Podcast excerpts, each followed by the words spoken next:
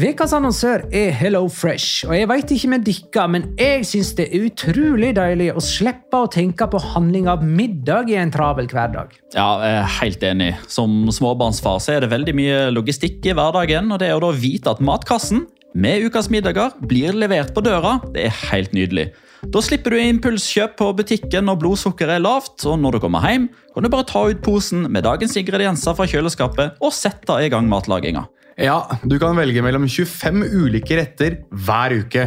Og de har faktisk en egen kategori som heter Raskt og enkelt, med masse enkle og gode oppskrifter. Veldig greit å ikke måtte ty til takeaway hver gang det er hektisk på jobb. Jeg gleder meg spesielt til sterk chilikylling i min neste kasse. Jeg blir sulten bare av å tenke på det. Ja, Det er ikke feil med bacon og cheeseburger heller, da. Og det som også er bra, er at matkassen koster det samme hver uke, som gjør det enklere å holde matbudsjettet. Ja, og så blir det ikke matsvinn heller, fordi du får akkurat det du trenger til hver eneste rett. Hello Fresh kan absolutt anbefales, og bruker du koden vår, LIGALOCA, kan du få opptil 1779 kroner i rabatt på de fem første matkastene hvis du ikke har prøvd Hello Fresh tidligere. Du kan også prøve koden hvis du har avslutta abonnementet ditt for tolv måneder siden eller mer. Gå inn på hellofresh.no og bruk koden LIGALOCA. Bon appétit! Hallo? Jeg kommer fra Oslo politikammer. Ine Jansen er purk. Er du purk? The motherfucking bitch. Alt jeg vil, er å finne ut hva som skjedde med mannen min. Jon Carew. Er jeg sikta for noe? Iben Akeli. Det er du. Ole So, Lars Berrum og Big Daddy Karsten. Hvem sin side er du på, egentlig? Anette Hoff, Tone Danielsen, Kommer du fra Afrika? Jørnis Josef, Nesten. Kløfta. Trond Espen Seim. Det er synd å si det, men det var feil mann som døde. Purk. Premiere tirsdag på TV2 Play.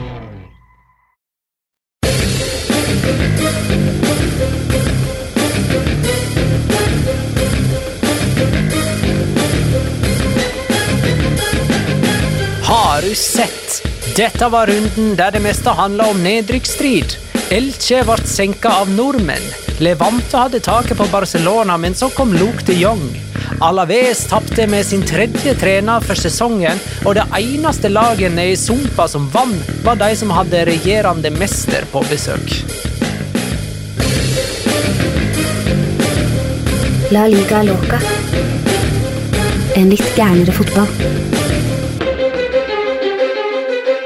Ja, ja, ja, dette er La Liga Loca, episode 203 av det ordinære slaget med Jonas Giæver, hei. Shalom in the home. Og Magnar Kvalvik, hei.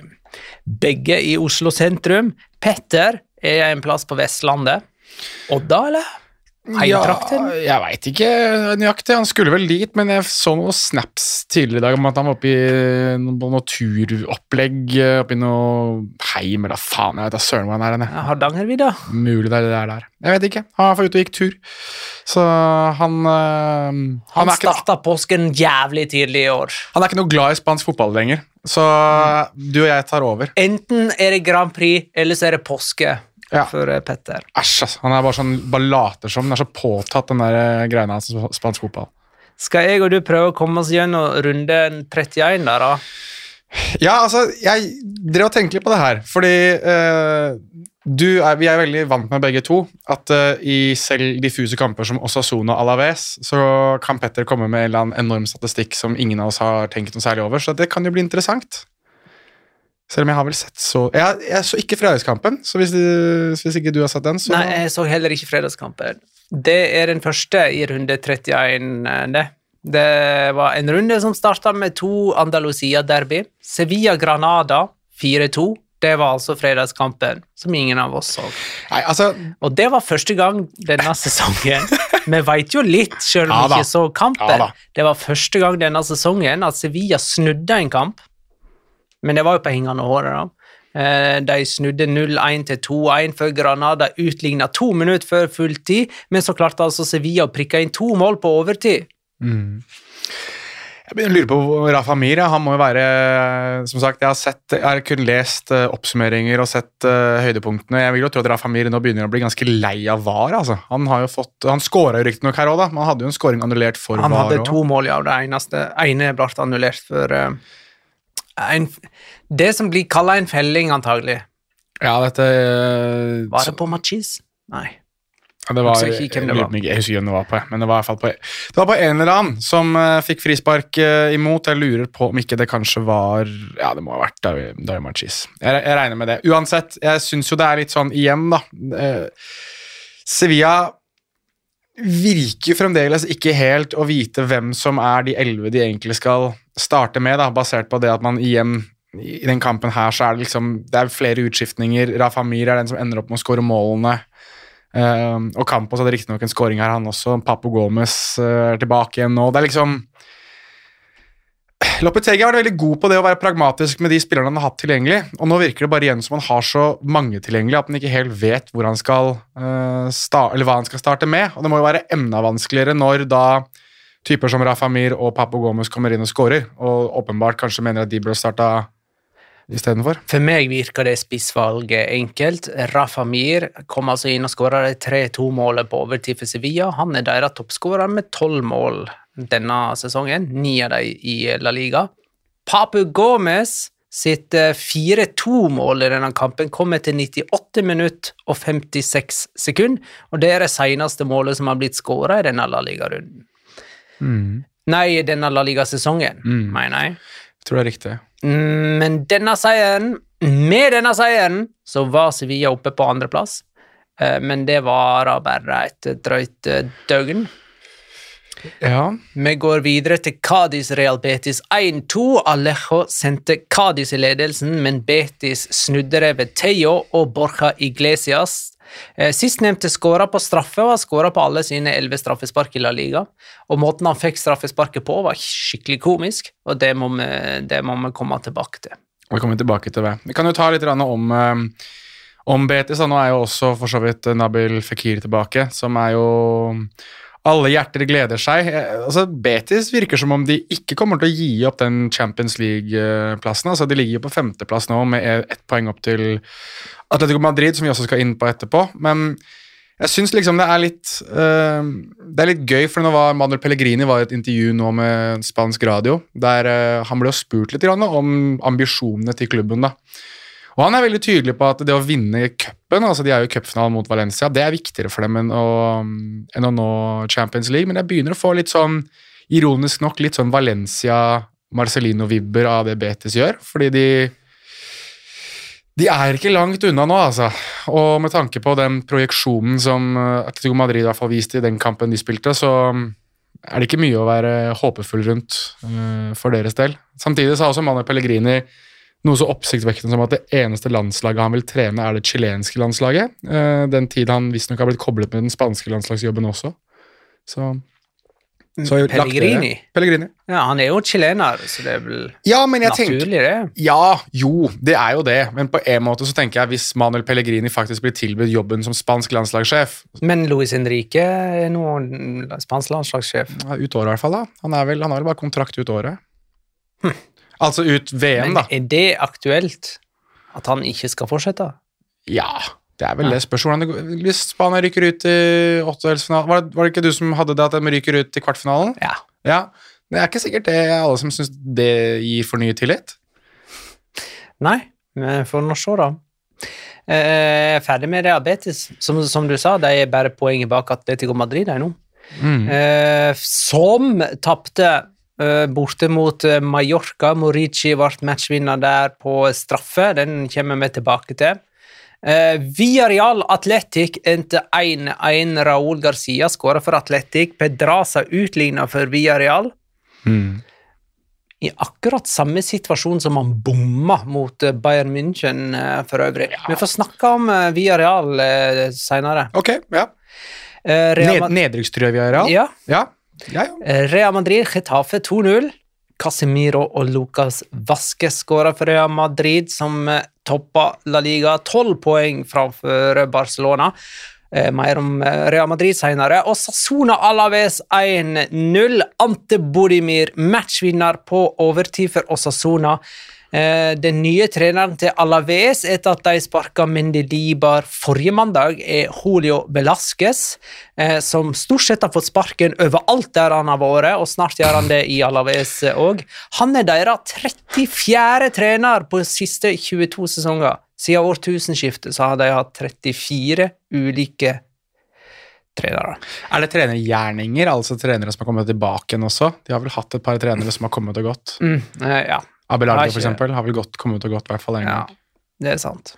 Jeg regner med Men uansett um, Julio Velasquez uh, syns Alaves gikk veldig dårlig betalt i den kampen her. Jeg, jeg syns de var gode. Og, og hør nå hvem som sier at Alaves var gode. Da må de ha vært smashing. Um, jeg syns i hvert fall på de første 30 minuttene De, had, de var jo Altså første, Var det første to minuttene, eller? Så var det, hadde de et helt supert angrep som egentlig burde ledet til scoring. Det var sånn angrep. Hadde de et godt angrep i ja, denne kampen? det er faktisk litt sånn sjeldenhetene til at de har et godt angrep. eh, Men når det, når det først var et godt angrep, så må vi nesten bare smelle et kryss i taket, først som sist. Um, Jeg tror det var Joselo som bomma på det var vel et innlegg fra høyre som han burde ha stanget i mål, men som han var litt for treg på. Så, det hadde jo en straffe imot seg her som ble eh, redda av eh. Pacheco. Så sånn Ser man på høydepunkt og sånn, så virker det nesten som det hadde vært heldig om de hadde klart 0-0 til, eller til full tid, ja, må, som de jo på en måte også klarte. da. ja, du må huske det, Magnar, at eh, det å se Sevilla på, fre på fredager, og liksom det laget man kanskje burde se, eh, så velger jeg da heller selvfølgelig Osasuna Alaves. Det er jo det mennesket jeg har blitt. Um, Noen kaller det for Petter Wæland-syndromet, det har jeg nå hatt eh, i hvert fall den serierunden her. For så vidt, Han hadde vel sikkert sett begge kampene. Men, ehm, men nei, jeg syns, jeg syns Alaves sånn forventningsmessig synes jeg de, Og når forventningene er på bånn, så er jo så å si alt er bedre enn det. Eh, men i den kampen her så var de oppriktig talt veldig gode, syns jeg. Eh, men igjen, El Sadar, Osasuna, Arrazate De, de kveler og, og dreper lag til slutt, og det gjorde de her. Ingen tar flere poeng med overtidsskåringer enn Osasona. De har tatt sju poeng med overtidsmål, og så har de bare mista ett poeng med baklengsmål i overtid. Spanjol Celta Vigo 1-0. Volei! eh, ble matchvinner for Spanjol i det 89. minutt. Hans Ja. første ligamål på ett år og fire måneder. The Forgotten Man. Her var det jo Jeg syns det var nesten, nesten morsommere å se dommer eh, Her var det Alberola Rojas som dømte. Og han er jo Her var det jo overraskende nok et par gule kort. da. Eh, Det var faktisk fire gule kort til sammen, og alle til Spanjol. Men han, det var en situasjon der hvor Franco Cervi holdt på å takle han. Og han rett og slett så litt som sånn Seriøst, prøver du å takle meg? Det var jo strengt tatt fordi det var et innlegg fra, fra venstre blir det vel, langs bakken som Franco Cervi skulle prøve å ta med seg inn i boks, og så sto Alberola Rojas bare i veien. og Cervi løp liksom inn i han og endte opp med å skli inn i Alberola Rojas, som da liksom Seriøst, prøvde å takle meg. Som, som er For han er jo en muskelmacho uh, dandy det, det, det siste begrepet der er i hvert fall riktig. Han er ordentlig dandy. Uh, han uh, har jo vært med på sånn datingprogram muskuløs Ja, Ja. muskuløs er han òg. Muskuløs, definitivt. Vi har vel, jeg lurer på om ikke vi har en episode som kalles La Liga Steroidebarn, som uh, baserer seg på han. Um, og ja, i den kampen her så det var ganske, Jeg syns det var ganske gøy å liksom se Franco Cervi prøve å få tak i ballen og så bare løpe rett inn i han som en sånn lekablokk foran seg. Så det var um, Men sånn utenom det, Voulay sin scoring, det er jo er ikke det litt sånn som man forventer, alt jeg på å si da? At han skal komme og dukke opp med en scoring mot slutten av sesongen, kanskje? Han har liksom ikke vært Han noe skulle få den ene scoringen sin ja, i år, ja. Mm. ja, jeg mener det. Før eller senere måtte den komme. Ja, det, jeg tror du skjønte hvor jeg ville. Eh, Elche Real Sociedad 1-2. Eh, Elche leder 1-0 etter mål av eh, Guido Carillo, og så utligner Alexander Sørloth. Eller var det et sjølmål av eh, Diego Gonzales? Før en annen nordmann eh, ble matchvinner for Real Sociedad. Altså, det målet til Sørloth, det er sikkert et sånt mål som Petter har sett fra alle vinkler for å avgjøre om avslutningen hans hadde gått på mål uten den berøringen fra Diego Gonzales. Det har ikke jeg gjort. Nei, nå vet ikke jeg hvordan du, eh, du, hvor lett tilgjengelig du har det der eh, dokumentet, men før sesongen så vi, gikk vi gjennom hvor mange skåringer Alexander Sørloth ender opp med. Ja, Eh, så jeg kommer til å basere min eh, bedømning på hvor nærme jeg, det er min tipping. Om jeg trenger at han scorer, eller om jeg trenger, trenger at han stopper. eh, du har åtte mål på han. Ja, men da var det, da var det definitivt Alexander Sørloth-skåring. Da, Ja. var det- Da Ja, ja, ja, men eh, det, det er hev- hevet over enhver tvil, det. Selvfølgelig. Jeg hadde tre mål på Sørloth, eh, og nå skal vi se. Han har to. Nei, men det var La Liga, vel? Var det ikke totalt? Eh, Jeg tror det var Men med de Altså, det, når jeg sier at han har to, så inkluderer det denne, mål, dette målet mot Elche. Eh, Så jeg er litt usikker egentlig på om jeg skal lande på om det var sjølmål eller ikke. Ja, men altså, hvis, hvis det er totalt Hvis vi, hvis vi regner at uh, han Hvor mange mange mål på Sørloth i La Liga, står det her. Satan. Ja, ja. Nei, men det, det må uansett telle. jeg må Jeg kan jo ta, altså, Petter tippa at Sørloth kom til å skåre tolv mål i La Liga. Du åtte, og jeg tre. ja. Og med dette målet mot Elche, Så eh, han så to. har han to. Men vi er ikke sikre på om han egentlig får det. For det er det Petter som bestemmer etter at han har sett det fra alle vinkler. Ja. Skal, Vi, Vi holder oss til hans statistikk. ja, nettopp. Nei, men uh... Og jeg tror den headingen var på vei utafor. Bare sånn by the way. Ja, du kan godt by the way det, men eh, det er uansett gøy at det var en Enn så lenge så var det en nordmann og Le Normand som mm. skåra for eh, Real Sociedad. Og så må ikke vi glemme at Real Sociedad da er nummer seks. Bare tre poeng bak Atletico Madrid, så de òg har fjerdeplassen innenfor rekkevidde. De har fem seire og bare ett tap på de siste seks kampene. Mm. Det kan ikke stemme, det i løpet av de siste sju kampene. Eh, De har fem seire og ett tap på de siste sju kampene, eh, og det tapet kom på Santiago Bernabeu. Og så har de en uavgjort inni her, og det var på Ramón Sánchez Pijuan, da de spilte 0-0. Så de ser jo faktisk ut til å være litt sånn i form. Eh, Hjemme vinner de jo bare 1-0 hele tiden, da. Ja, jeg, ja, det gjør de for så vidt. Jeg lurer på om ikke de har samme rekke sånn, altså, de siste fire kampene. Jeg lurer på om ikke de har, har to seire uavgjort og så en seier. Um, de har Betis òg. Jeg tror de følger hverandre litt sånn på resultatene. Og det er Real Sociedad sin neste motstander. Mm. Det kan være Eh, De to neste kampene til Real Sociedad er hjemme mot Betis og Barcelona.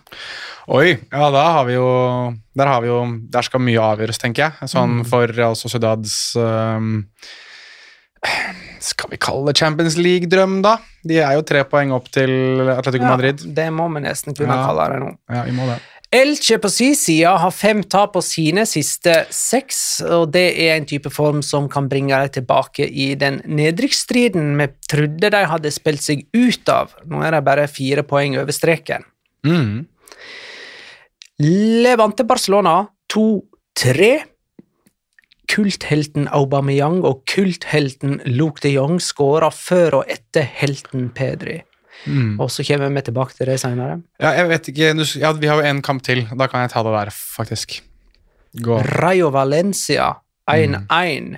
Eh, Gonzalo Gedes og Sergi Nei, det var ikke Gedes, det var eh, Carlos Soler som skåra for eh, Ja. Valencia. Helt ærlig, den kampen her hadde jeg på ett øye.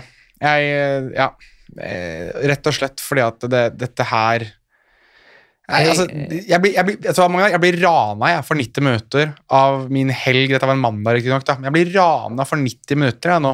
Hver eneste serierunde av Valencia. Ja. Hver eneste serierunde. Jeg sovna i andre omgang, Ja, men jeg. var matforgifta. Ja, men nei, det, har god unnskyldning. du var ikke matforgifta. Du var, eh, du var forgifta av. Valencia. Det var Altså, det Limforgifta. Ja, li- limforgifta. Vær så god. Det var uh... Men det var altså Carlos Soler og Sergi Guardiola som skåra målet i denne kampen. Rayo Vallecano står fremdeles uten seier i 2022. De er seks poeng over nedrykk og har en hengekamp mot eh, Barcelona, som de er sjanseløse i. Valencia har ikke vunnet en ligakamp i Madrid siden 2018. Oi!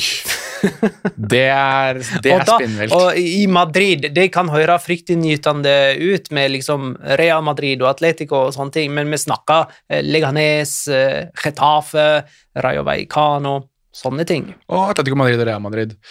Men jeg synes det som er interessant her, da, eh, bare for å ta det Det er jo veldig mange som på en måte har allerede levert ut seriegullet til Real Madrid, og det kan jo kanskje være riktig på en måte, det. Men jeg syns jo da at man må kanskje kaste et blikk på nedrykkstabellen, hvis vi kaller det for det. altså fra Kadis på 18.-plass og opp til Rayo på 13.-plass, altså de fem plass, eller seks plassene der, så skiller det så lite som seks poeng.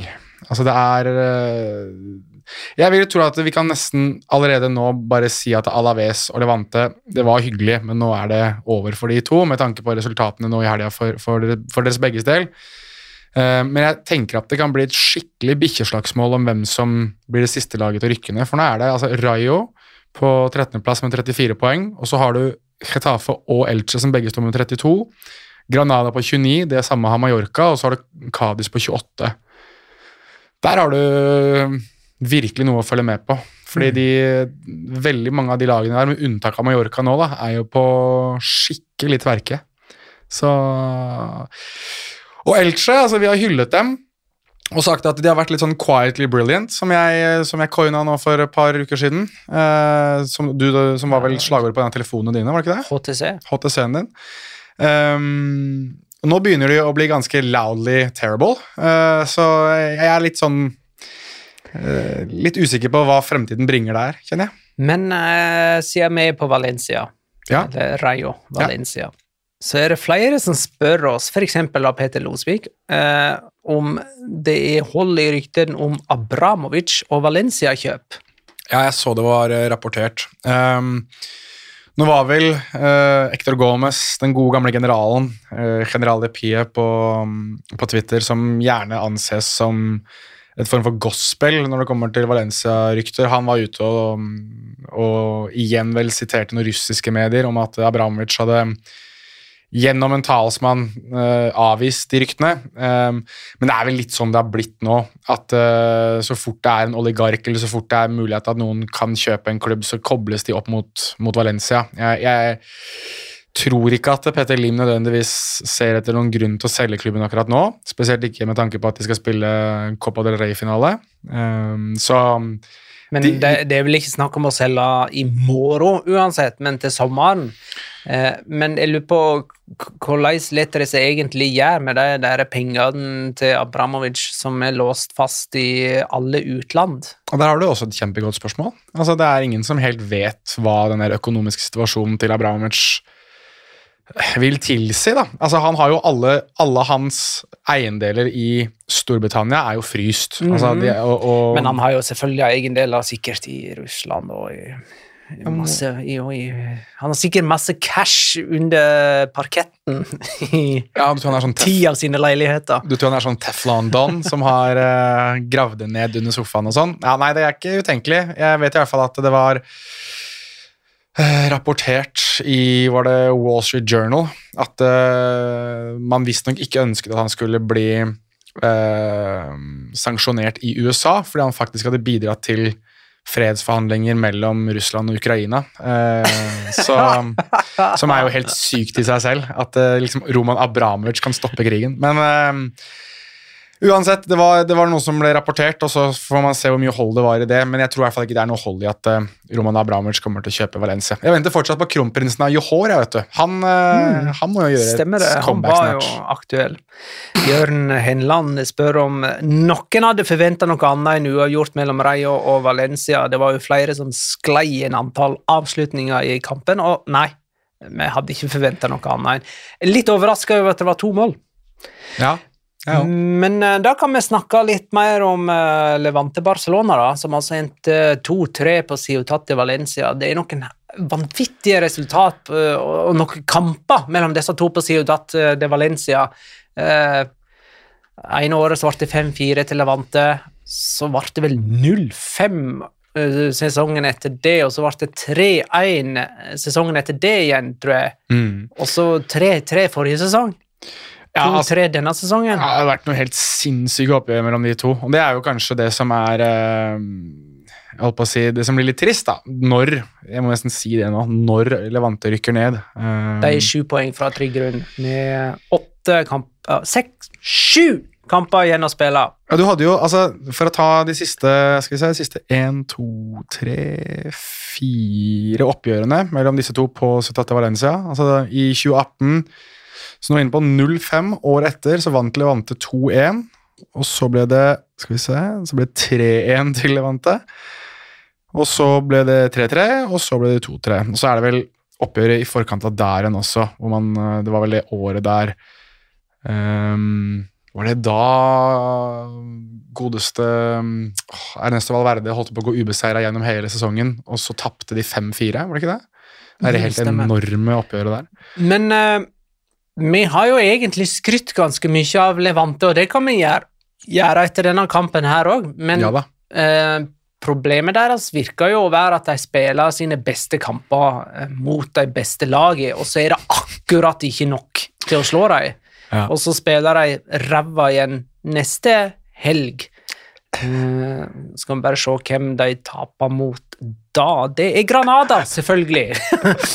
det verst tenkelige nederlaget i så fall. Ja, nei, altså det, det, det, blir jo et, det blir et surt nederlag der, det gjør jo det. Jeg måtte bare sjekke nå. Det var faktisk matchday 37 det, den sesongen da det ble 5-4. Altså Barcelona var da to kamper fra å gå ubeseira den, den sesongen der under neste Valverde. Men ja, det er jo det som er veldig rart da med Levante, for jeg tror vi har gått gjennom dette her en del, at hvis du ser hvis du ser i hvert fall under Javier Pereira og nå under Alessio Licci, så spiller de bra fotball. Altså, de, de spiller gode kamper. Um, og de ser jo ut som et, et rivende godt fotballag, og så har de vært litt uheldige nå med skader. altså De Frotos er jo ute, f.eks. Morales har jo våknet virkelig til livet. Men de bare, det bare er ikke effektivt nok. Altså, de, det er nesten sånn Du tenker at dette laget her er for spillmessig for godt å rykke ned, og det er de jo egentlig òg. Det er bare det at nummer én, de klarer ikke å forsvare seg, og nummer to, de klarer ikke å skåre mål. Alt annet er bra. De er gode på midtbanen, og de er gode fram til motstanderens angrep. Andre veien så er de helt altså de, de virker ikke som om de vet hva organisert forsvar er. Uh, og I den kampen her så mister de det jo bare, rett og slett. Altså, nummer én, Roger Marti bommer på straffespark, det, som jeg Altså det, å, det der å bytte straffetaker er helt Det var visstnok ikke planlagt, det der. De, altså, de fikk jo tre straffespark og hadde tre forskjellige straffeskyttere. Ja. Men to av de skåra, da. Eh, Det er for øvrig eh, de tre første straffesparkene Barcelona får imot seg denne sesongen. Eller mindre de tre første straffesparkene Levante har fått tildelt. Ja, de har fått ganske få. Ja. Eh, Og Barcelona er det første laget i historien som vinner en kamp der de har fått tre straffespark imot seg i Primera. ja, helt sykt. Dommer Monuera Montero er den første dommeren som dømmer tre straffespark mot Barcelona i en og samme La Liga-kamp. Han har noen sånne statistikker, tror jeg. Jeg tror han er flere sånne litt sånne Det er vel Celta Vigo i hvert fall, som hater Monuera Montero, basert på noen sånne greier som det.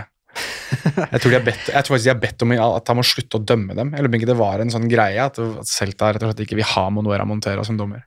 Men eh, det som er litt gøy å snakke om, det er eh, de eh, På den ene sida de falne stjernene til Barcelona, som bare leverer helt uh, skjevt. Aubameyang og, og Luc Mm. Også de nykommerne, Gavi og Pedri, som samarbeider om uh, mål nummer to.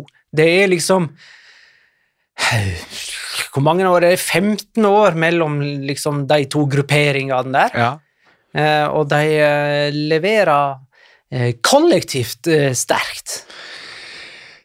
Ja, altså Det var liksom litt sånn rart, det her, fordi at eh, Det at, det at Chavi, nei, Chavi sier Gavi og, og Pedri skal bli veldig gode sammen, det tror jeg alle sammen på en måte har tenkt at kan skje. At man liksom er den nye Iniesta og Chavi.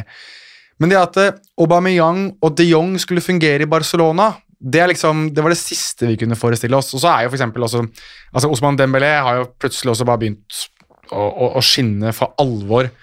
Så det er liksom Det, det er to altså, segmenter her av suksess, der den ene er forventet, egentlig, og den andre er det minst forventede i verden, virker det som. Du er enten en gamling eller en tenåring når du scorer for Barcelona om dagen. Virker sånn. Eh, Sivert van Morik spør hvem ville du hatt i boksen når det kommer et innlegg. Neymar eller Luke de Jong? Dette er vel uh, det Ronald Koeman da, som uh, var inne på det. Om at han heller ville hatt de Jong enn Neymar i boksen. Ja, men da svarer han det, da. Gi meg Coman den, da. Ja, men Koman hadde jo altså, Koeman hadde jo også det der sitatet om at Barcelona har en framtid pga. meg. Ja, ja, ja. Eh, Så, så Ronald Koeman skal eh, Ja, blir jo faktisk Nederlands landslagssjef igjen nå. Han tar jo over etter Louis van Hall, som uh, nylig Mm. Bekrefta at han har fått prostatakreft. Eh, Jeg forsto det sånn at han hadde en vellykka operasjon. Ja, det var Så det er veldig bra. Så han, han skal vel lede dem i VM, og så går kontrakten hans ut, og da skal Koman ta over. Så Plosain skriver eh, et utenkelig spørsmål for bare ett år siden. Hvordan de Jong er best akkurat nå? Nei, ja, Det er ikke så utenkelig, skjønner du. fordi at uh, man må ikke bli, som det heter på engelsk, 'prisoner of the moment'. Uh, Luke de Jong eh, Altså, Luke de Jong har funnet rollen sin. Kan vi ikke si det sånn, da? At det er, det er nok det som er mer riktig. At Luke de Jong har funnet den rollen som passer ham best. Altså, han, han har blitt en superinnbytter. Og han er en vandrende plan B. Altså, han er per personifiseringen av en plan B. Og den plan B-en, den eh, Funker så jævlig bra, den. Ja, og er garantert å bli tatt i bruk. Det er litt sånn, de, nå bruker de plan B-en eh, hver gang. Mm. Men, men jeg tror også sånn Men ha, hadde ikke vi som tittel at, at eh, eh, Barcelona ingen hadde, ikke hadde noen eh, plan B her eh, for en tid tilbake? Kanskje det Jo, det tror jeg. Jeg tror plan A var plan B og plan C. Uh, men jeg tror at eh, Jeg syns det er slemt å sammenligne dem litt, den, den ene har fått veldig mye sånn dritt i løpet av årene. Men, men altså, jeg, jeg ser litt Marwan Fellaini i uh, Luke de Jong. At du Jeg kan forestille meg at hvis du er forsvarer, og du sånn som for Levante sin del da, at du har forsvart deg mot Aubameyang, du har forsvart deg mot Dembélé, du har forsvart deg mot Pedri, du har forsvart deg mot altså, alle mulige kjappe, rappe, kvikke spillere. Og så ser du bort på, på innbytterbenken, og så ser du at eh, Luke de Jong, som er bare helvete når det kommer til fysikk og hodedueller, og, og han står klar, da tror jeg du som forsvarer tenker litt å herregud, men skal jeg forsvare meg mot det òg nå? Jeg driver og klart klarte å stokke beina mine inn i egen boks, nå skal jeg passe på at ikke det fyrtårnet her får gå opp aleine. Det tror jeg er ganske vanskelig. Mm, Men han har ikke fullt så spisse albuer som Fellaini. Nei, han, er ikke like, han har fint hår, men jeg syns håret til Fellaini var finere òg. Så, og så var han jo marokkaner, da, så jeg må jo gi den til uh, Maran Fellaini, syns jeg. Eh, Dembélé hadde altså målgivende til Aubameyang og er dermed den spilleren i La Liga med flest målgivende pasninger, og han har bare starta ti kamper. Mm. En tredel. Altså Barcelona kan snakke så mye de vil om Erling Braut Haaland, om Robert Lewandowski, om eh, gud og hver-en-mann de har lyst til å signere, men hvis ikke de kaster absolutt alt de har etter det å få Dembélé signert på en ny avtale, så er det noen som burde ta sin hatt og gå, altså. For at det Dembélé gjør nå Og vi ser jo det, at når han klarer å holde seg skadefri og klarer å holde seg motivert og har en trener som tydeligvis vet hvordan han skal forvalte det talentet Dembélé har, så er det jo Altså, Hvor mange spillere i La Liga er det som er bedre enn det her? Det er ikke mange, altså. Jeg tenker at Du har, du har Benzema, som kanskje er ligaens beste. Fikir er nok nummer to i, i min bok. Og så er liksom Pedri, Dembélé er to, eller er tre, fire, og fem er kanskje en eller annen som jeg ikke nevner nå. Jeg vet ikke. Eh, Pedri skåra som sagt etter et nylig forarbeid av Gavi, og det er første gangen Pedri skåra i to serierunder på rad. Eh, Barcelona har skåra 15 mål med HV nå denne sesongen. Det er ingen som skårer på flere headinger i eh, La Liga. Der er Atletico nummer to på den lista med 14. Eh, og så kan jeg ta denne fra Endre Tengren, som eh, spør om Levante, det beste laget som sannsynligvis rykker ned. Hvilke andre minneverdige lag husker dere som har spilt god fotball, men likevel rykka ned? Og der mener jo jeg da at i alle fall hva angår spillermaterial, så er ikke dette Levante i nærheten av Real Saragossa i 2008 og Real Betis i 2009. Og kanskje ikke heller eh, Viareal i 2012. Jeg skulle gå inn på det Viareal-laget i 2012, jeg òg. Jeg, jeg husker at spillematerialsmessig så var det et par spillere på det laget, det Deportivo La Coruña-laget som rykket ned også, som jeg mener at var sånn forholdsvis gode, og som er i ganske greie klubber nå. Var det sånn i 2010? Eh, Nei, det siste, det siste laget som rykka ned, eller siste utgaven av Depor som rykka ned, de skulle jo opp igjen rimelig kjapt, dem. Var det i 2018, 2019? Jeg skal se om jeg finner det. Men jeg husker i hvert fall at de, de hadde um, Jeg lurer på om ikke de hadde Fabian Scheer, Lucas Perez lurer jeg på om ikke de hadde. Um, det var et lag som, som var uh, overraskende godt. Um, og som jeg lurer på om ikke hadde endt ganske greit sesongen før. Ja, anyways, her skal vi se. De rykket ned som på 18.-plass i 2017-2018. Men Florian- det var jo den trasige sesongen. Var ikke det da alle var nedrykksklare ti runder før slutt? Med Malaga på siste med to poeng. Malaga var nok øh, det, altså Jeg husker at Deportivo la Corona byttet trener ganske ofte, for jeg ser at de rykket ned med Clarence Sedorf. Så da Det sier jo sitt. Men de hadde jo altså Adrian Lopez øh, hadde de. De hadde Skal vi se uh, Lucas Perez, ja. Uh, Florian Done, Carlos Hill, Sydney, som jeg, som jeg syns var god. Fede Valverde hadde de på lån fra, fra Real Madrid. Celso Borges, Fabian Scheer. Ja. Eh, så det var eh, for Edo Exposito. For får også et bra lag der. Mm. Er Eh, Halvorsen eh, skriver det må prates om Viareal. Den prestasjonen mot Bayern var helt perfekt. Og det er litt skummelt å prate om Viareal på en eh, tirsdag, bare få timer før Viareal skal spille mot Bayern på Ja. Allianz. Eh, Men jeg kan jo nevne at sist gang Viareal spilte på Allianz, så vant de 3-0. Eh, Da het, var det Allianz Stadium, ikke Ja, sant? Nå er det Allianz Arena. Riktig. Eh, via Real, de nå skal jeg bare, De spilte 1-1 ja, nå, mot Atletic nå eh, i helga. Og de har to seire på sine siste fem offisielle kamper. De to seirene kom mot Juventus og Bayern München. Mens de altså tapte mot Cádiz og Levante og nøyde seg med uavgjort mot eh, Atletic. For et nivå det er på La Liga om dagen. Men de bytta vel elleve mann til denne kampen mot eh, Atletic Det er riktig. eh, for å spare kruttet da, mot Bayern, eh, der Altså Når folk hører på dette dagen etter at vi har spilt inn eh, Ha det i mente, Jonas. Gikk, gikk Villarreal videre etter møtet med Bayern i Tyskland? Nei, de gjorde ikke det. De møtte overmakten, og det å spille 90 gode minutter mot Robert Lewandowski, det, det kommer nok til å henge høyt for Pau Torres, men det er trist når Robert Lewandowski har dunka inn et hat trick og fått Pau Torres til å se helt idiot ut. Ja. Men vi hadde trua der på 1-0 til, til Viareal før, eh, før Lewandowski snudde det. Ja, vi hadde det. Eh, og så må, må vi altså Jeg syns vi skal legge ved at eh, det at Viareal kun har 1-0, eller kun hadde 1-0, riktignok, og, og spille på Det er deres egen feil, holdt jeg på å si, for der skulle det vært 4-5. Altså, de, de, de utspilte eh, Bayern München på hjemmebane.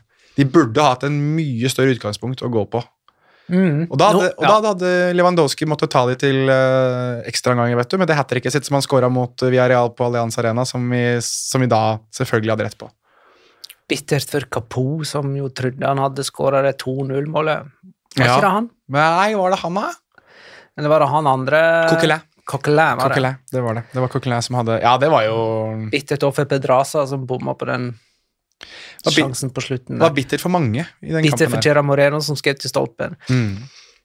Og nå, nå er jeg på La Ceramica-kampen, altså. Dette er fakta, det jeg snakker om nå. Ja.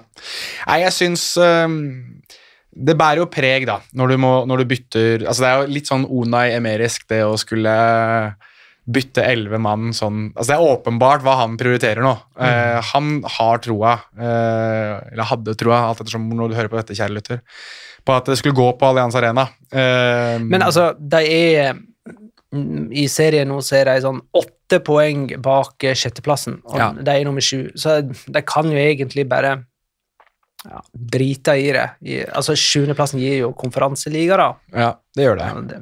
Og det tror jeg ikke de ønsker. Da må de jo møte st stormakter som Bodø-Glimt og sånn. Eh, men eh, men jeg syns jo jeg synes det sier veldig mye om den bredden i troppen til Villarreal, da, når de kan gjøre elleve bytter og, og fremdeles uh, spille en ganske sånn høvelig kamp mot, uh, mot Atletic Klubb, som åpenbart her spilte med ja, jeg, vil, jeg vil si det er det beste de kunne mønstre. Uh, og jeg syns ikke de gjorde seg bort på noen slags måte i Villarreal heller. Det var ikke sånn at de var heldige som holdt seg fast til uh, Det var ikke sånn nedrykksklare eller nedrykkskandidat uh, Villarreal møtte stormakten Atletic Klubb som er eh, programforplikta til å ende på tiendeplass. Det, det var jevnt, det her, altså. Men eh, skal vi leke oss òg med Real Madrid-Chelsea, da, som spiller samtidig som Bayern München eh, Real? Nå kan vi jo først eh, konkludere med at det ble en slags parademarsj mot Getafe for eh, Real Madrid. Ja der Casemiro skåra sitt første mål siden 1. mai i fjor. Eh, Lukas Vaske skåra det andre målet da mot eh, Getafe, og det var altså tre dager etter at Real Madrid, og spesielt Benzema, herja på Stamford Bridge. Eh, ingen mål eller målgiverne på Benzema mot eh, Getafe, men mål hadde han jo eh, nok av mot Chelsea, da. Ja, du vet, Magnar, det er tre ting vi er garantert i livet. Det er død, det er skatter, og det er big game Karim. Hver eneste gang, gang etter gang etter gang etter gang, etter gang, etter gang, så er det big game Karim som eh, som viser seg selv gjeldende. Og hvis vi skal liksom legge huet på blokka nå i timene før den kampen mot, uh, mot Chelsea også, så regner jeg med at han har scora der òg, han. Altså på hjemmebane mot, uh, mot Chelsea. Det, alt annet vil være rart. Litt eh, artig i gåsehud at Bale på en måte er han som skal gi Benzema noen hvileminutt eh, i de kampene som ikke er så viktige. Bale kom inn eh, mot Getafe og spilte sine første minutt på Santiago Bernabeu siden februar 2020, altså før pandemien. Jeg røk min locora. Men, ah. men eh, det er eh, Vi kan jo snakke om det nå heller. Det er jo mye hyggeligere. Eh, ja, og til øredøvende buing til å begynne med, og det ble liksom bare møtt med et lite glis. Det syns jeg var litt sånn Jeg syns, Gareth Bale har takla det her ganske, ganske bra, jeg. Eh, sånn med tanke på at han har hatt en hel hovedstadspresse, da snakker vi skrivende presse som har kalt han en parasitt. altså TV-programmer som snakker han nord og ned, og radioprogrammer som kritiserer ham. Altså, Gareth Bale må ha vært Må du gjerne korrigere meg hvis jeg blir historieløs her, men han må ha vært den mest utskjelte spilleren jeg kan huske i spansk fotball. Som har klart å brasse inn et avgjørende mål i Champions League-finale mot eh, Liverpool. Ja, altså han har vunnet Det er noen som har, noen legger ut disse statistikkene om at han har skåret mer for Real Madrid enn det Ronaldo Fenomeno har. Han har flere trofeer enn det Zinedine Zidane hadde som spiller. altså han, At han har gjort veldig Han har gjort enormt mye for Real Madrid, og igjen eller, eller står igjen med det å bli kalt for en Judas, en sjarlatan, en parasitt. Altså Han har liksom eh, han er blitt som en sånn Det sorte får, da, eh, i Real Madrid. Altså Real Madrid sorte får, og det er litt sånn ufortjent, egentlig.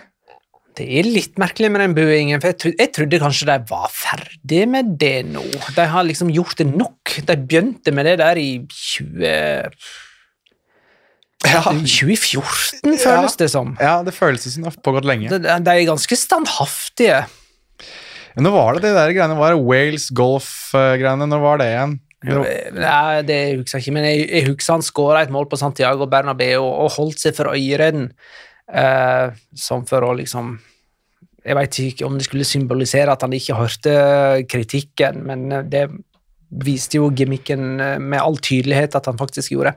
Jeg lurer på ikke det var da de Bare for, for å ta det Jeg lurer på ikke det var da Wales kvalifiserte seg til VM, eller hva det var for noe. Så lurer jeg på om ikke det var uh, at de feira det. Og VM uh, Altså VM 2018, da, i så fall. Så det må ha kanskje vært i 2017. Der, eller 2017 eller 2018, det der, eller var det Wales, 2020? Ja. Wales Golf Real Madrid i, i det, den rekkefølgen. Wales Golf Madrid. Skal vi se, Wales Golf Madrid. Jeg husker at jeg jobba i Nettavisen da dette skjedde. Det er jo ikke så lenge siden. Er 2019, vel? 2019. Så før, uh, før EM 2020 i så fall. Altså ja, nei, altså Han har jo vært utskjelt og vært El. Altså, dette her var jo, det var jo da Gareth Bale endelig slo tilbake. Så dette her hadde jo pågått i lang tid før det òg. Altså, han Ja, var jo de vant, Var det ikke Champions League-finalen i 2018 han hadde det brassesparket? Da han var utskjelt før det? Mm. Altså, han Det var nesten som at det var reservert jubel uh, da han uh, Ja, ikke langt unna. Så eh, jeg trodde kanskje at eh, Real Madrid-fansen var litt ferdig med det. Jeg tenker The Spanish Football Podcast hadde en teori som jeg syns er grei å ta med her. Mhm. Eh, at det kanskje de bare gjorde det nå, slik at de ikke må gjøre det da de skal møte Chelsea. At det, det er litt, Hvis de faktisk må ha en scoring, og Gareth Bale kommer inn for å liksom, Da er de ferdig med det. Da er de ferdig. For da må Bale støttes. De gjorde seg ferdig nå. Ja. Okay. Da sier vi det sånn. Ja. Eh, Atletico Madrid de møter Manchester City på Wanna Metropolitano onsdag, og den kan vi nå i det minste snakke litt om uten å diaré helt på oss eh, da. Snakk for deg selv. De hadde en håpløs kamp mot eh, Mallorca. Ganske så håpløs kamp mot City på Etihad òg, for den saks skyld. Eh, Hør på dette her. Mallorca hadde sju strake tap, men så kom Atletico Madrid på besøk.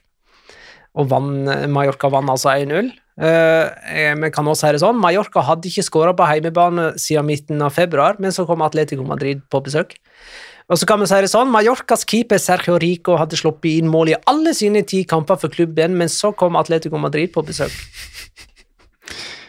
Skal vi ta det andre veien også? Det fins ikke noen andre vei. Jo, det er vel en annen vei hva angår La Liga-kamper, i hvert fall, for Atletico Madrid sin del. For de hadde vel seks strake kamper eh, med, Eller var det fem strake kamper med seier? Ja, og, så kom, og så besøkte de Mallorca. Mhm. Sånn, ja. Ja. Mm. Mallorca har altså sleget Atletico Madrid i begge kamper denne sesongen. Det har ikke skjedd siden 1990-tallet.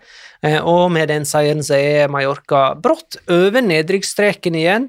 Snakk om eh, Javi Agirre-effekter.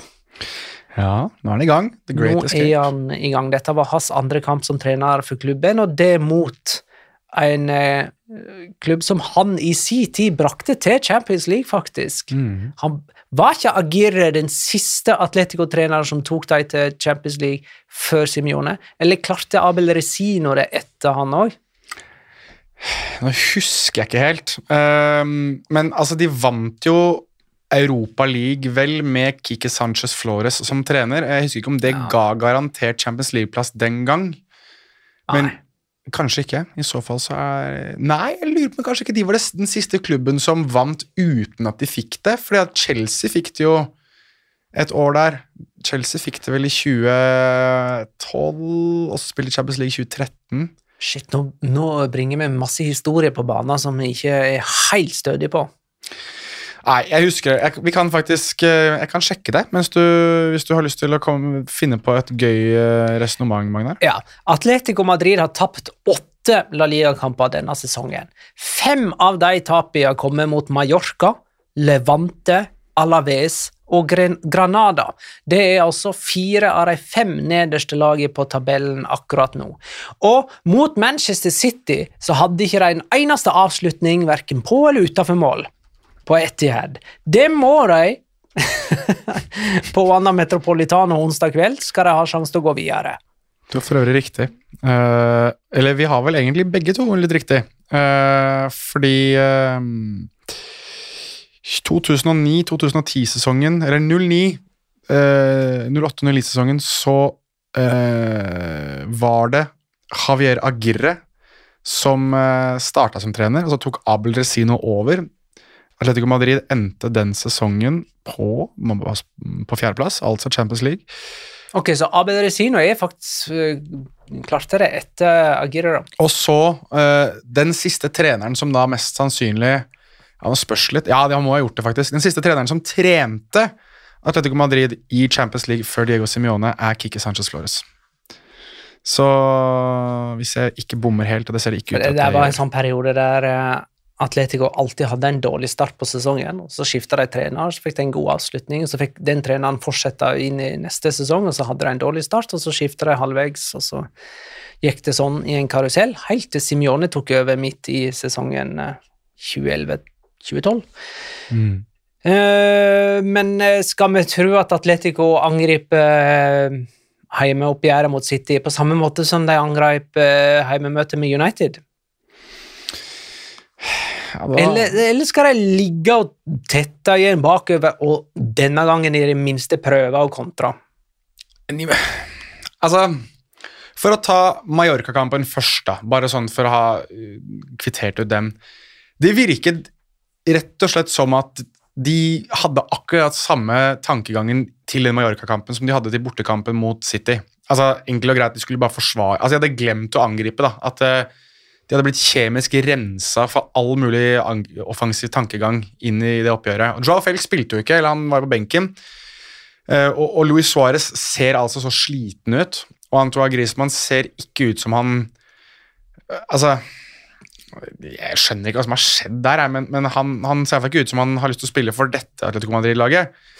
Eh, og det, det hang litt igjen, og dermed så, så ble det egentlig en kamp som i teorien burde endt 0-0, syns jeg. Altså sånn etter spill og sjanser, og så var det en straffespark der som ble litt sånn glad-handedly uh, delt ut til uh, Agirres eh, Mallorca.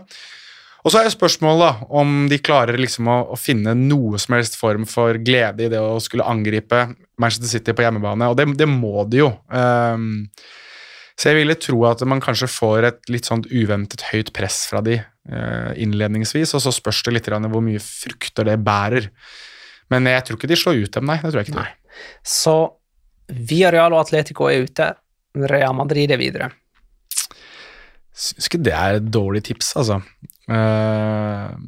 Blir Men jeg, jeg, hadde vært uh, Jeg håper at det er en kanskje, kanskje kamp som går til ekstraomganger. Den, den Atletico Madrid-Manchester City. For der føler jeg at uh, Tror du at Atletico slår City med ett mål? Det er, det er, ikke meg imot om kampen går til ekstraomganger, og for den del straffekonkurranse, for all del, men det tror jeg ikke. Nei, altså, nei, jeg, jeg, håper jeg, jeg, håper at For jeg syns, det, jeg syns sånne kamper, når Simione får muligheten til å trene ekstraomganger, så, så pleier det som regel å være Det er enten enten at de bare suser over lag, sånn som de gjorde annet mot Liverpool på Anfield, eller så er det da Champions League-finalen mm. mot Real Madrid all over, hvor de bare faller sammen som et korthus. Så det er, um, det er litt sånn enten-eller-kitt eller dynamitt. Så jeg, jeg, bare sånn for scenariets del, for narrativets del, så skulle jeg likt å sett uh, at det gikk til uh, ekstraomganger. Men jeg tror, uansett om det blir ekstraomganger eller ei, så tror jeg at Manchester City går videre. Vi kårer rundspiller. Det kan vi gjøre. Uh, da har vi bare to nominasjoner denne gangen, siden Petter har tatt en tidlig uanmeldt ferie. Mm. Ja, jeg, du har nummer to? Jeg har jo det, da. Og det er jo litt sånn second best uh, som går igjen, og det Jeg synes at uh, José Luis El Comandante Morales Jeg har vel, hadde han jo nylig også, om ikke det var sist uke, faktisk, som min nominasjon. En kampen er så er han altså, Han er et angrep alene. Altså, han er så insane god når han uh, får muligheten til å boltre seg på litt plass og kunne dra noen såledragninger, og han får jo åpenbart straffeskåringa. Burde jo tatt den andre straffa der, og jeg skjønner ikke hvorfor ikke det skjer. Uh, men jeg, jeg, når han spiller de kampene som han Tydeligvis, da, når han spiller mot uh, mot Barcelona, f.eks., så blir han Maradona, da. Det, så det Utrolig trist for, eh, for, Primera dersom, eh, eller når Levante rykker ned. Jeg tror faktisk at Morales blir med ned. Jeg tror ikke han er sånn som forlater skipet. Han er jo El Kommandante, og han står jo med skipet ned i avgrunnen og kanskje opp igjen neste sesong. Eh, men du verden, det, vi må, bare, må egentlig bare hylle ham når han har de kampene som han har mot Barcelona. Og da blir runden spiller faktisk David Silva som hadde to målgivende mot uh, Elche. Uh, den ene er til Alexander eh, Sørloth, da. Så kan det jo godt hende at det ikke blir tellende som en skåring av Sørloth, og dermed heller antagelig ikke en målgivende på David Silva, men han skulle ha hatt flere målgivende, for han serverte Alexander Isak, og 36-åringen var i det hele tatt litt sånn retro David Silva i denne kampen. Og han har ikke spilt så mye som både han og Real Sociedad skulle ønske denne sesongen, men her var han eh, sitt gamle egg. Så runden spiller David Silva, og nå er det tid for Locora! Ukens La Liga Locura. Locura. Locura. Locura. La Liga Locura. Uh, du, har, du har egentlig stjålet min, men jeg har en backup. Du kan begynne. Jeg kan begynne, jeg, da. Ja. Uh, det er greit. Uh, egentlig så var det to sånne Locora straffespark denne runden. Mm. Uh, og apropos Real Sociedad, da, så hadde jo Alexander Isak en sånn herre skuddfintestraffe. Der han Ja. setter standfoten ved sida av ballen og later som han skal skyte, men så trekker han skuddfoten tilbake, sånn at keeper slenger seg, og så klarer han altså stående på én fot, eh, både å ta skuddfinter og å avslutte, så han skåra jo, men det, det er ikke lov, det der. Nei. Uh, og og da, du får ikke en ny sjanse heller. Nei. Det ble bare frispark til motstanderlaget. Det er jo Altså, det er jo altså, uh, det skal jo være én bevegelse, er jo det som uh, straffespark skal være. Når du er i skuddbevegelse, så må du gjennomføre bevegelsen. Derfor så kan du jo blant annet uh, altså kjøre pasning, sånn som vi husker at Messi og Suárez gjorde for noen år siden. Men når du stopper i bevegelsen din, så skal det blåses frispark utover. Og det var jo mange som ikke helt skjønte hva det der var. Mm. Om det var spillere som løp inn i boks, eller hva det var. Det var jo bare at Isak stoppet opp i bevegelsen sin. Han har altså, eh, mens han står med standfoten ved sida av ballen, så har han skuddfoten mot ball, og så trekker han skuddfoten tilbake igjen, Ja. og så trekker han den fram en gang til. Ja. Eh, og det er ganske sånn tydelig stopp.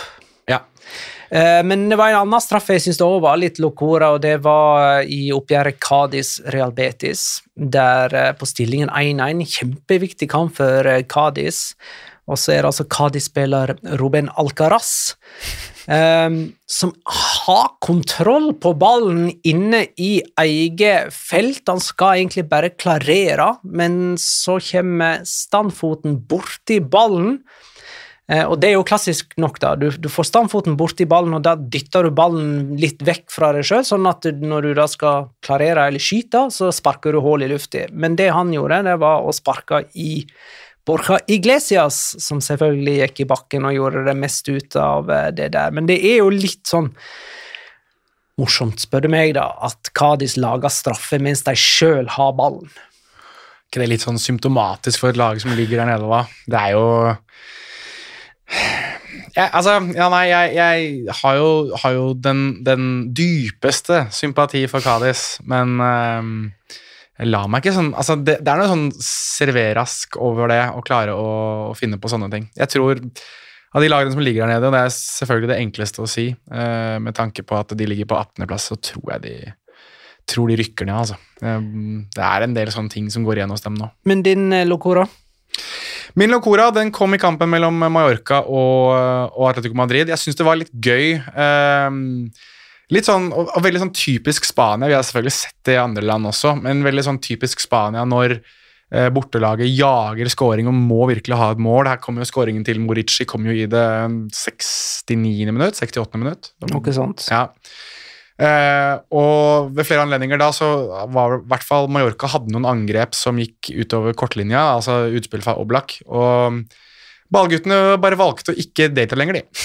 De bare satt og så på mens Oblak hylte og skreik etter ballen. Det var vel en, en av ballguttene som satt ved siden av det ene reklameskiltet, som reiste seg opp og sakte gikk bort. Så sprintet Oblak over og eh, prøvde liksom å ta tak i ballen fra denne ballgutten, som slapp ballen rett foran Oblak, og det, det klikka jo for Oblak, ikke sant, som sto og hylte og skreik. Sånne ting syns jeg er gøy. Jeg er en simpel sjel. Jeg syns, eh, jeg syns ballgutter som For jeg, jeg vet at hadde det vært meg, så hadde jeg ikke turt. Altså, jeg hadde ikke, altså Jan Oblak står og hyler og skriker meg i ansiktet. Jeg hadde ikke turt å tulle med han. Men disse ballguttene Fy faen og cojones dem har, altså. Rampete. Veldig rampete, men veldig gøy. Eh, og så tenker jeg at det hadde vært enda gøyere hvis det var en type som Picho Cuellar som var i, var i Oblak sine sko.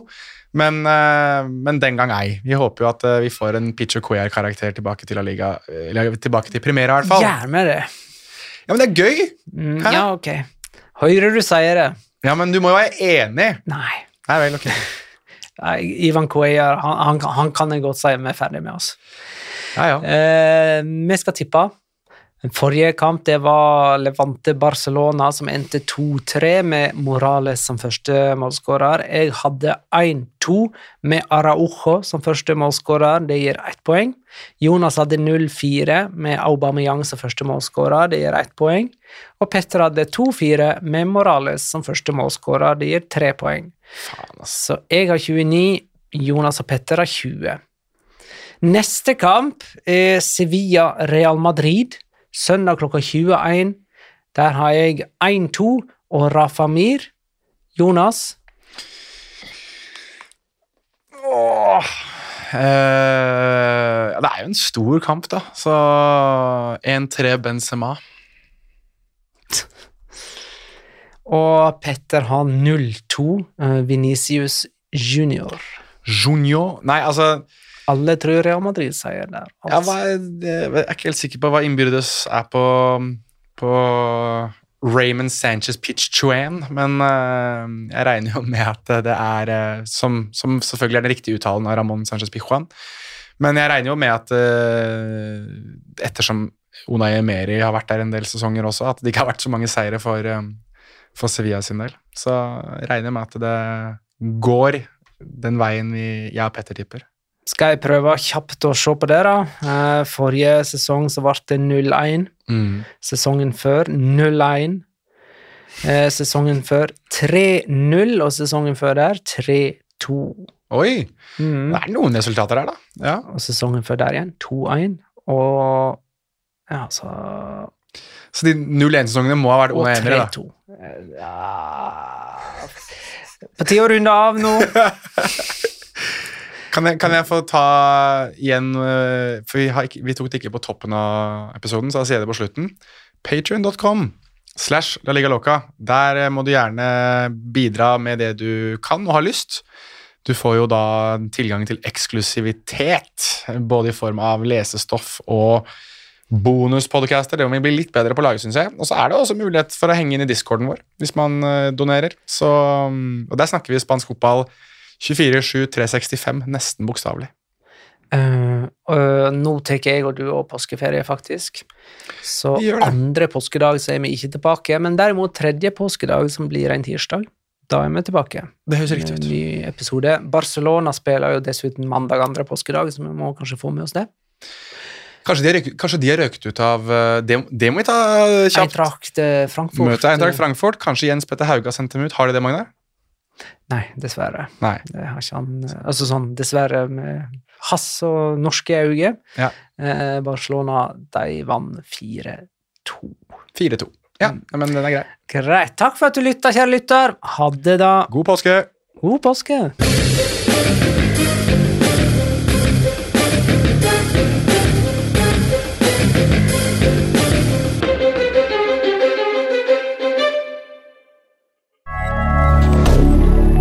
Moderne media. Har du et enkeltpersonforetak eller en liten bedrift? Da er du sikkert lei av å høre meg snakke om hvor enkelt det er med kvitteringer og bilag i fiken, så vi eh, gir oss her, vi. Fordi vi liker enkelt. Fiken superenkelt regnskap.